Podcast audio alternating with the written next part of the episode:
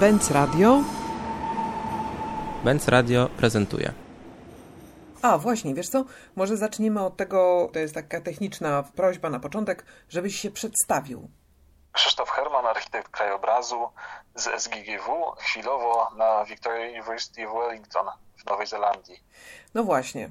Z rządzeniem losu, zupełnie przez przypadek, stan pandemii zatrzymał cię po drugiej stronie globu w Nowej Zelandii. Nowa Zelandia ma znakomite recenzje, jeżeli chodzi o to, jak sobie radzi z tą nadzwyczajną sytuacją.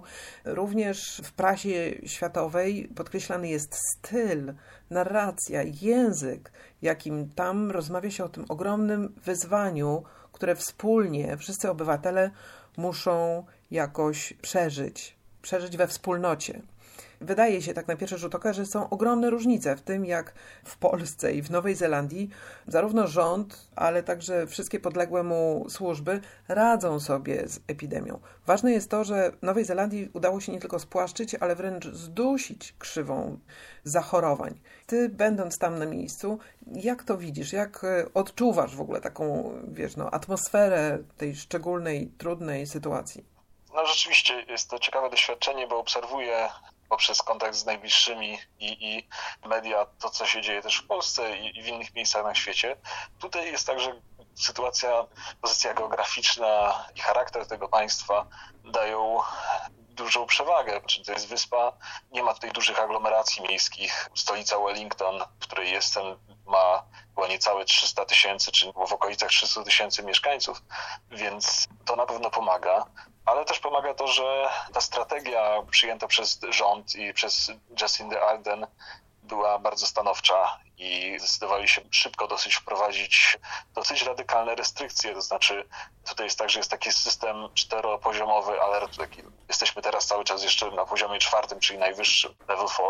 Polega na tym, że w zasadzie wszystko jest y, zamknięte. To znaczy, oprócz sklepów wielkopowierzchniowych, supermarketów i szpitali, to prawie wszystko jest e, zamknięte. Nie można zamówić sobie pizzy do domu. Jest to strategia, która polega na tym, żeby rzeczywiście zadusić tego wirusa i udaje się to, bo wychodzimy teraz z tego lockdownu z poziomu czwartego, niedługo do poziomu trzeciego i w ostatnim tygodniu te zachorowania czy zarażenia to były na palcach jednej ręki policzyć. Wczoraj trzy, dzisiaj pięć. Jest to bardzo chyba łatwe już do opanowania, tak się wydaje. Nie wiem, jak długo mam mówić, ale. Ale e, wiesz, no, poczekaj, poczekaj, bo ja, ja bym cię tutaj trochę pokierowała w takie rejony rozmowy, na której najbardziej nam zależy.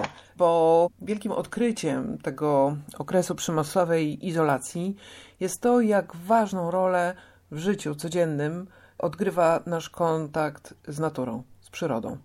Z tymi przestrzeniami zielonymi, które są dostępne w mieście, z lasami, z przyrodą. To jest y, coś, co wiele osób, ze zdziwieniem czasem nawet, stwierdziło po kilku tygodniach konieczności przebywania w domu. I chciałam, żeby to nasze dzisiejsze spotkanie, ta rozmowa, dotyczyła raczej tego, jak ty postrzegasz skutki, które ma także uboczne skutki epidemii pandemii, dla postrzegania przestrzeni zielonych, ich roli w życiu społecznym i tego, jak powinniśmy teraz z tą wiedzą o, o tych szczególnych kryzysowych momentach podchodzić do projektowania zieleni w mieście. No, przewidywanie czegokolwiek jak będzie za, za miesiąc, czy za, za dwa miesiące, czy za rok jest e, strasznym wróżeniem z fusów i tak naprawdę także w tej mojej dziedzinie, czyli w architekturze krajobrazu, trochę przewidzenie tego, w którą stronę pójdą rzeczy jest bardzo trudne. Dzisiaj słuchałem podcastu z Martinem Reinkano z Topotek, e, który też się wypowiadał o, o architekturze krajobrazu jako profesji, ale też o terenach zieleni, jak to może wyglądać. I w skrócie oczywiście, tak jak ze wszystkim innym, nie wiemy. Natomiast mogę się wypowiadać sporo o tym, jak to wygląda teraz, w tym czasie, szczególnie tutaj w Nowej Zelandii, bo tutaj nikt nie miał takiego pomysłu, żeby zamykać parki albo lasy. Jednak e, nadal sama też premier mówiła o tym, że bardzo ważne jest to, żebyśmy wychodzili, żebyśmy biegali, żebyśmy uprawiali sporty, żebyśmy spędzali czas w parkach i na ulicach, o ile nie przemieszczamy się, skorzystamy z najbliższego sąsiedztwa. Tutaj od razu mogę powiedzieć, że w związku z tym bliskość terenów zieleni i to, że okolicy i przestrzeni jakby krótkiego spaceru jest jakiś park, no jest y, niezwykle, niezwykle ważne. Co więcej, ludzie oczywiście zachowują ten dystans dwóch metrów, y, muszą być w tych zamkniętych tak zwanych bubbles, tych, tych swoich bańkach, nie mogą się kontaktować z innymi ludźmi, co na pewno ma jakieś konsekwencje dla wykorzystywania terenów zielonych. Jedną z moich obserwacji jest to, że tutaj akurat w tych przedmieściach, na których jestem, nie ma takich specjalnie dużo takich typowych parków, które znam z, z Warszawy. Jakichś parków historycznych, czy parków takich rekreacyjnych z dużą ilością drzew, ścieżkami i tak dalej. Tutaj są raczej przestrzenie sportowe. Jest wielkie boisko do krykieta, jest wielkie boisko do polo, które częściej jest wykorzystywane tak naprawdę do rugby albo do, do, do baseballa. W każdym razie te wszystkie sporty drużynowe jakby zaprzestały. I te aktywności takie, w których ludzie spotykają się w dużych grupach i grają chociażby w krykieta czy w rugby, oczywiście są niemożliwe. I teraz te przestrzenie sportowe stały się takimi pandemicznymi parkami, w których y, ludzie mają bardzo dużo przestrzeni do wykorzystywania, bo te boiska do krykieta są dosyć ogromne i my chodzimy tam z całą rodziną na to boisko do krykieta i mamy dla siebie po prostu kilkaset, może nawet metrów kwadratowych otwartej przestrzeni, w których y, czujemy się bezpiecznie oddaleni od y, innych osób i możemy sobie biegać, grać, bawić się. I rzeczywiście te przestrzenie duże się po prostu bardzo, bardzo sprawdzają. Tutaj dodatkowym czynnikiem, z którymi musimy no, stawić mu czoła, jest nadchodząca susza. Jest coraz mniej wody, wysychają rzeki. Wisła jest na bardzo niskim poziomie. Paradoksalnie miasto właśnie inwestuje ogromne kwoty w, w, tworzenie wału przeciwpowodziowego, który powstaje po praskiej stronie i tam niedawno wycięto 500 drzew po to, żeby ten wał mógł zostać zbudowany. Ale wiesz, nadchodzi susza i na przykład jednym z postulatów też podejmowanych przez ruchy miejskie, tu w Warszawie miasto jest nasze, domaga się na przykład zaprzestania koszenia trawników Czyli ta kwestia epidemii, ona jest jeszcze dodatkowo wzmacniana nie tylko przez świadomość y, kryzysu klimatycznego, ale także obywatelskiego wzmożenia na rzecz zatrzymania w najlepszym zdrowiu czy też stanie tych terenów zielonych, o które można zawalczyć. No tak, tak. W ogóle jakby pielęgnacja w tym czasie i też to, w jaki sposób wykorzystujemy tą wodę, którą którą mamy daną, deszczówkę, wodę, wodę opadową, czy jak sobie radzimy z z wodą, która gdzieś tam płynie, czasami, czasami pod ziemią, jakimiś kanałami, małe rzeczki, które są wpuszczone w, w kanały, a mogły być gdzieś tam na zewnątrz i jest, jest wiele, wiele oczywiście pytań. Ja rzeczywiście z przerażeniem obserwuję tę sytuację, bo przyzwyczailiśmy się w ostatnich latach już w zasadzie do, do takich suszy, ale przyzwyczailiśmy się do tego, że one są w lipcu, sierpniu, a nie w kwietniu i jest to sytuacja dosyć dramatyczna. I w zasadzie wiemy, jak sobie niby z tym radzić, znamy teorię, ale jak sobie w praktyce z tym poradzimy, jest to bardzo, bardzo trudne wyzwanie. Na pewno będzie tak, czy wszystkie modele klimatyczne pokazują to, że po prostu będą bardziej dramatyczne, czy bardziej ekstremalne okresy pogodowe, to znaczy będą właśnie okresy wzmożonej suszy, a potem będą ulewne deszcze, więc tutaj kwestia, o której przed chwilą wspomniałem, czyli gromadzenia odpowiedniego i potem wykorzystania tej wody opadowej, która będzie nagła i bardzo intensywna w pewnych okresach jest, jest super ważne, więc no, po prostu może musimy się uczyć od krajów, które te problemy z suszą miały już dłużej i przyzwyczaić się do tego, że klimat się zmienia, będziemy stosować inne rośliny, będziemy wiele drzew, które w tej chwili jest w parkach, wypadnie, bo sobie nie poradzi, czy wiele roślin, które znamy, nie będzie sobie radziło z, z takim klimatem. Będą nowe rośliny. Oczywiście, jakie to konsekwencje niesie przeogromne na pewno, ale jeszcze, jeszcze ich do końca, do końca nie znamy. No to jest e, dziś globalny problem, z którym e, musimy sobie poradzić. Niestety widać, że on nie jest na pierwszej linii problemów, nie jest na pierwszej linii dla naszych rządzących. No to tak. też jest przerażające, że jest to kryzys, który będzie miał wielki wpływ na nasze życie, też życie codzienne, a e, zupełnie się tym nie zajmujemy. Tak, to jest, jest bardzo... To jest bardzo przygnębiające, że tak naprawdę jedynym środowiskiem, które się domaga, to jest lekceważone środowisko oczywiście ekoświadomych obywateli, młodzi ludzie skupieni w młodzieżowym strajku klimatycznym, Extension Rebellion.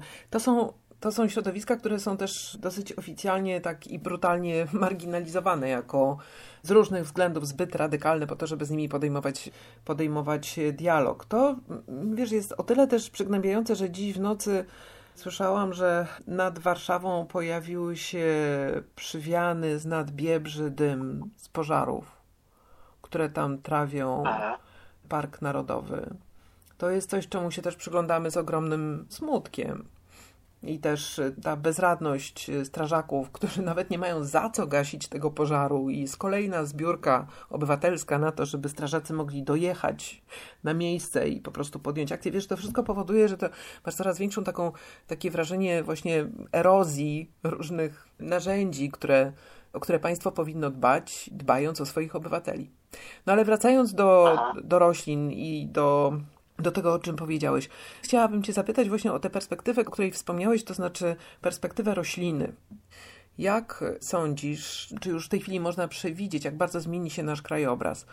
Które z tych roślin są bardziej odporne na tak trudne warunki klimatyczne, wysuszanie gleby? Z czym my zostaniemy, wiesz? Kto będzie wokół nas? Które z tych roślin zostaną?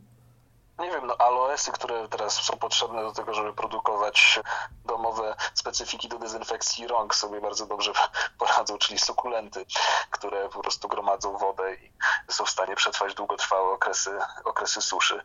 No nie wiem, no jest dużo, dużo roślin po prostu z innych stref klimatycznych, które pewnie będą sobie lepiej radziły niż nasze rodzime rośliny, ale też wydaje się, że niektóre drzewa rodzime też może ze względu na przykład na głębszy system korzeniowy mogą sobie lepiej radzić z wyciąganiem po prostu wilgoci wody, która jest y, dużo niżej, bo też po prostu te wierzchnie warstwy ziemi nie są zaopatrywane w wodę, więc wysychają, więc te rośliny, które mają głębsze systemy korzeniowe sobie będą lepiej radzić nie wiem, czy, czy będziemy mieli gaje oliwne i winiarnie wszędzie. No, niektórzy, którzy twierdzą, że panikujemy i jakby cała sytuacja kryzysu klimatycznego jest jakimś tam spiskiem, a w zasadzie będą same dobre z tego korzyści, tak jak na filmie Ministerstwa Edukacji mogliśmy usłuchać, tak, że, że właśnie jest mnóstwo korzyści z tego, że będziemy mieli, nie wiem, winiarnię i będzie dłuższy sezon wegetacyjny,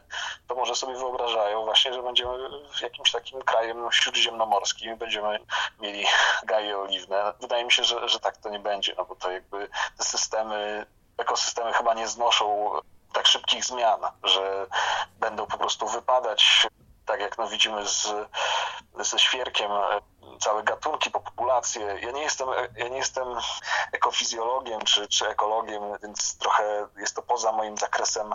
Jestem projektantem terenów zieleni, ale no, wydaje mi się, że no, będą, będzie sporo takich dramatycznych sytuacji. Będziemy musieli się po prostu przyzwyczaić niestety do takich trudnych obrazków, a co z tego wyniknie dalej, jaka się odnarodzi, nowe ekosystemy, trudno to przewidzieć, one się raczej powoli bardzo zwykle zmieniały, a teraz muszą się przystosowywać, sytuacja się zmienia dramatycznie szybko. W historii chyba nie było takich, poza kataklizmami, tak szybkich zmian w warunkach, w jakich przychodzi żyć roślinom, zwierzętom. No tak, tutaj przewidzenie jakichś kolejnych, dalszych ciągów jest naprawdę bardzo trudne w zmieniającej się sytuacji, ale niektóre jednak ciągle sfery życia są podtrzymywane, między innymi działalność badawcza.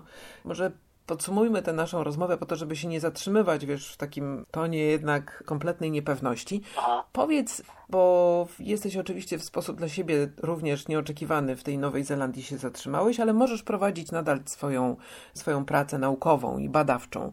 Co w tej chwili cię zajmuje? No jest kilka takich obszarów, jest w zasadzie ich bardzo dużo i czasami nie mogę się zdecydować na to, czym się czym się zająć, bo chcę włożyć ręce w wiele, wiele tematów. Też te tematy do mnie przychodzą i dosyć szybko się zmieniają. Na pewno rzeczą, którą ostatnio się z całą taką ekipą NSG w mojej katedrze sztuki krajobrazu zajmowaliśmy, to były nieformalne tereny zieleni, czy tak zwane zielone nieużytki. Badaliśmy, był, był dosyć duży projekt którym dla Warszawy badaliśmy wykorzystywanie rekreacyjne, ale także różne świadczenia ekosystemowe, które, które nam dają zielone nieużytki, czyli takie tereny, które formalnie nie są parkami, które formalnie nie są terenami zieleni, na przykład nie są tak zapisane w planach miejscowych czy w studium kierunków i zagospodarowania przestrzennego, natomiast w jakiś sposób przez mieszkańców są wykorzystywane, no nie wiem, jakieś takie tereny przy kanałkach, nieformalne, zarośnięte jakieś miejsca, gdzieś, gdzieś przy torach, takie miejsca, które nie są oficjalnymi terenami zieleni, ale też świadczą usługi związane z oczyszczaniem powietrza, z regulowaniem miejskiej wyspy ciepła, czyli troszeczkę pomaganiem nam w tym, żeby było trochę chłodniej w bardzo gorące dni, co teraz też jest ważne w związku ze zmieniającym się klimatem. Także te nieformalne tereny zieleni badaliśmy w większej grupie. Ja tutaj zajmuję się trochę tematem upraw miejskich i tutaj są bardzo rozwinięte w Nowej Zelandii ogrody społecznościowe i farmy miejskie i produkcja żywności w mieście też mnie bardzo, bardzo interesuje. W, w aspekt społeczny tego fenomenu. Zajmuję się także kwestią prototypowania przestrzeni miejskiej i teraz e, w związku też z tą pandemią widzimy, że niektóre władze miejskie się decydują na szybkie zmiany związane z właśnie chociażby częściowym zamykaniem ulic, poszerzaniem chodników. Ja w 2009 roku zorganizowałem w Warszawie pierwszy Parking Day, czyli zamienianie parkingów, miejsc parkingowych na parki. I teraz e, trochę badam też e, historię tego ruchu i konsekwencje, które się narodziły z tego, czyli właśnie poszerzanie przestrzeni publicznych o te miejsca parkingowe, czyli jakby konsekwencja też tego, że może z miast w końcu będziemy się pozbywać części przynajmniej samochodów. Więc no, tych rzeczy, które mnie interesują, no i ta prototypizacja w urbanistyce też mnie interesuje, czyli jakby sprawdzanie, eksperymentowanie z różnymi tymczasowymi rozwiązaniami, żeby potem w bardziej pewny, lepszy sposób i pełny wprowadzać, wprowadzać jakieś trwałe zmiany. Trochę się tym zajmuję, więc no, jest kilka. kilka Krzysztof, bardzo dobrze, że nad tym pracujesz. To są wszystko świetne tematy, bo przecież kiedyś wrócisz i trzeba będzie wziąć się do pracy tutaj. Zobaczymy, jak, jak to będzie z tym powrotem. To jest ciekawy temat, jak, jak będą teraz działać linie lotnicze, jakie będą za trzy miesiące na przykład koszty podróży i czy będzie tak, że będziemy na przykład stać na to, żeby za trzy miesiące wrócić do, do Polski, bo lot może się okazać na przykład pięć razy droższy niż ten, który był przed pandemią. Czytam sporo o takich informacjach płynących z e, linii lotniczych, które tak. są się, w wielkich tarapatach. To się też pojawia z hashtagiem nowa normalność. Do niej należą mhm. rzadsze loty. Krzysztof, ale mam nadzieję, że no, wszystko tak, się dobrze tak. potoczy. Bardzo Ci dziękuję za tę rozmowę. Będziemy pewnie jeszcze wracać do Ciebie, zanim wybierzesz się w drogę powrotną, po to, żeby zweryfikować różne nasze dzisiejsze wątki. Bardzo dziękuję, bardzo Cię pozdrawiam. Dziękuję Bogna, pozdrawiam. Zdrowia. Pozdrawiam, trzymajcie się w Warszawie. Tak, zdrowia też wszystkim. Dzięki. Dzięki, pa.